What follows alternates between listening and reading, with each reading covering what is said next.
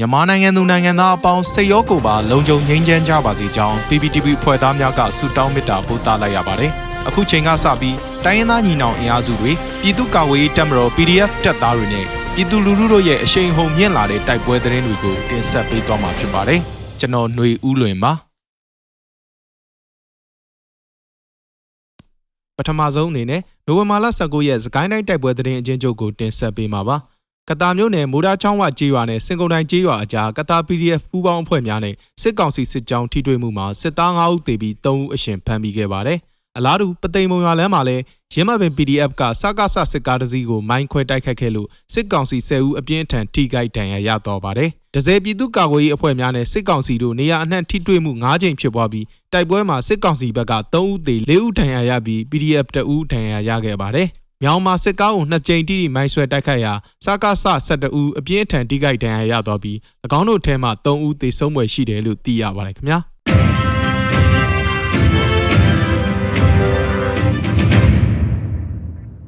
ဆက်လက်ပြီးလောင်လုံးညှင်းမော်ကြီးရွာအနီးရဲကားတစ်စီးကိုလောင်လုံး PDF ကမိုင်းဆွဲတိုက်ခိုက်ရမှာစခန်းမှုအပါဝင်3ဦးထပ်မံထိခိုက်ဒဏ်ရာရပြီး PDF တပ်ဖွဲ့ဝင်တအူးကြာဆုံးခဲ့တဲ့တဲ့ရင်ကိုတင်ဆက်မှာပါ။ တနင်္သာရီတိုင်းလောင်းလုံးမြို့နယ်တောင်ဘက်ရှိညင်းမော်ကျေးရွာအနီးအကျန်းဘက်စစ်ကောင်စီလက်အောက်ခံရဲတပ်ဖွဲ့ဝင်များပါရှိတဲ့လှည့်ကင်းကားတစ်စီးကိုဒီနေ့နိုဝင်ဘာလ22ရက်မနက်ပိုင်းမှာလောင်းလုံးမြို့နယ်ပြည်သူ့ကာကွယ်ရေးတပ်ဖွဲ့ကမိုင်းဆွဲတိုက်ခိုက်ခဲ့ပြီးစခန်းမှုအပါအဝင်3ဦးထပ်မံဒဏ်ရာရရှိသွားကြောင်းသတင်းရရှိပါတယ်။ဒီနေ့မနက်ပိုင်းမှာလောင်းလုံးမြို့နယ်အောက်ဘက်တနေရာမှာစစ်ကောင်စီကားတစ်စီးကိုမိုင်းခွဲတိုက်ခိုက်ခဲ့ကြောင်းလောင်းလုံး PDF ကပြောဆိုထားပြီးနှစ်ဖက်ထိခိုက်ကြဆုံးမှုကိုတော့တရားဝင်သတင်းထုတ်ပြန်ထားခြင်းမရှိသေးပါဘူး။ မိုင်းဆွဲတိုက်ခိုက်ခံရပြီးနောက်အကြမ်းဖက်စစ်ကောင်စီတပ်ဟာတဝဲလောင်းလုံးအောက်ရေပြူကားလန်တကြောမှာစစ်ကောင်စီတပ်ဖွဲ့ဝင်များနယ်မြေရှင်းလင်းမှုအင်အားဖြည့်တင်းဝင်ရောက်မှုများရှိနေတယ်လို့ဒေသခံများထံမှသိရပါဗျ။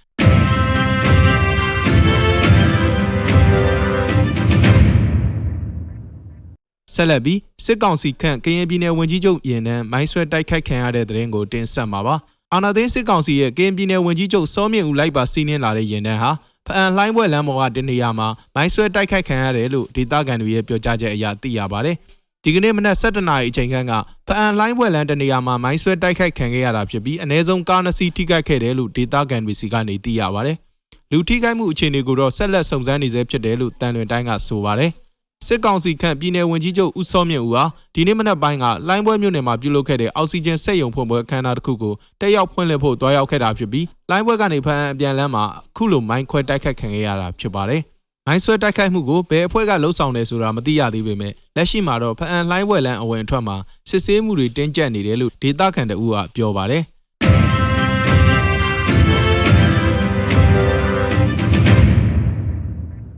နောက်ဆုံးအနေနဲ့အမျိုးသားညီညွတ်ရေးအစိုးရပြည်ထရေးနဲ့လူဝင်မှုကြီးကြပ်ရေးဝန်ကြီးဌာနကနိုဝင်ဘာလ22ရက်ရက်စွဲနဲ့ထုတ်ပြန်တဲ့ပြည်သူ့ခုခံတော်လှန်စစ်တရင်အချက်လက်တွေကိုတင်ဆက်ပေးသွားမှာပါ။အာဏာသိမ်းအကြမ်းဖက်စစ်အုပ်စုရဲ့ပြည်သူလူထုအပေါ်အကြမ်းဖက်ဖိနှိပ်ဖန်ဆီးတိုက်ခိုက်တပ်ဖြတ်နေမှုများကိုပြည်သူလူထုတရက်လုံးကအသက်ရှင်တန်ရေးအတွက်မိမိကိုယ်ကိုမိမိခုခံကာကွယ်ပိုင်ခွင့်အရာပြည်သူ့ခုခံစစ် People's Defenses War ကိုဆင်နွှဲလျက်ရှိပါတယ်။တရင်အချက်လက်များအရ20ရက်17လ2021ရက်နေ့မှာ စစ်ကောင်စီတပ်ဖွဲ့ဝင်83ဦးသေဆုံးပြီးထိခိုက်ဒဏ်ရာရရှိသူ9ဦးအထိခုခံတိုက်ခိုက်နိုင်ခဲ့ပါတယ်။စစ်အာဏာရှင်စနစ်မြမမြေပေါ်မှာအပိတိုင်ချုပ်ငြိမ်းရေးနဲ့ Federal Democracy တည်ဆောက်ရေးအတွက်ငြိမ်းချမ်းစွာဆန္ဒပြတဲ့လူထုတပိတ်တိုက်ပွဲများကပြည်내နဲ့တိုင်းဒေသကြီးများမှာဖြစ်ပွားပေါ်ပေါက်လျက်ရှိပါတယ်။မြေပြင်မှာယခုတွေ့ရတဲ့သတင်းအချက်အလက်များထက်ပို၍ဖြစ်ပွားနိုင်ပါတယ်ခင်ဗျာ။ရေတော်ဘုံအောင်ရမည်ရေတော်ဘုံအောင်ရမည်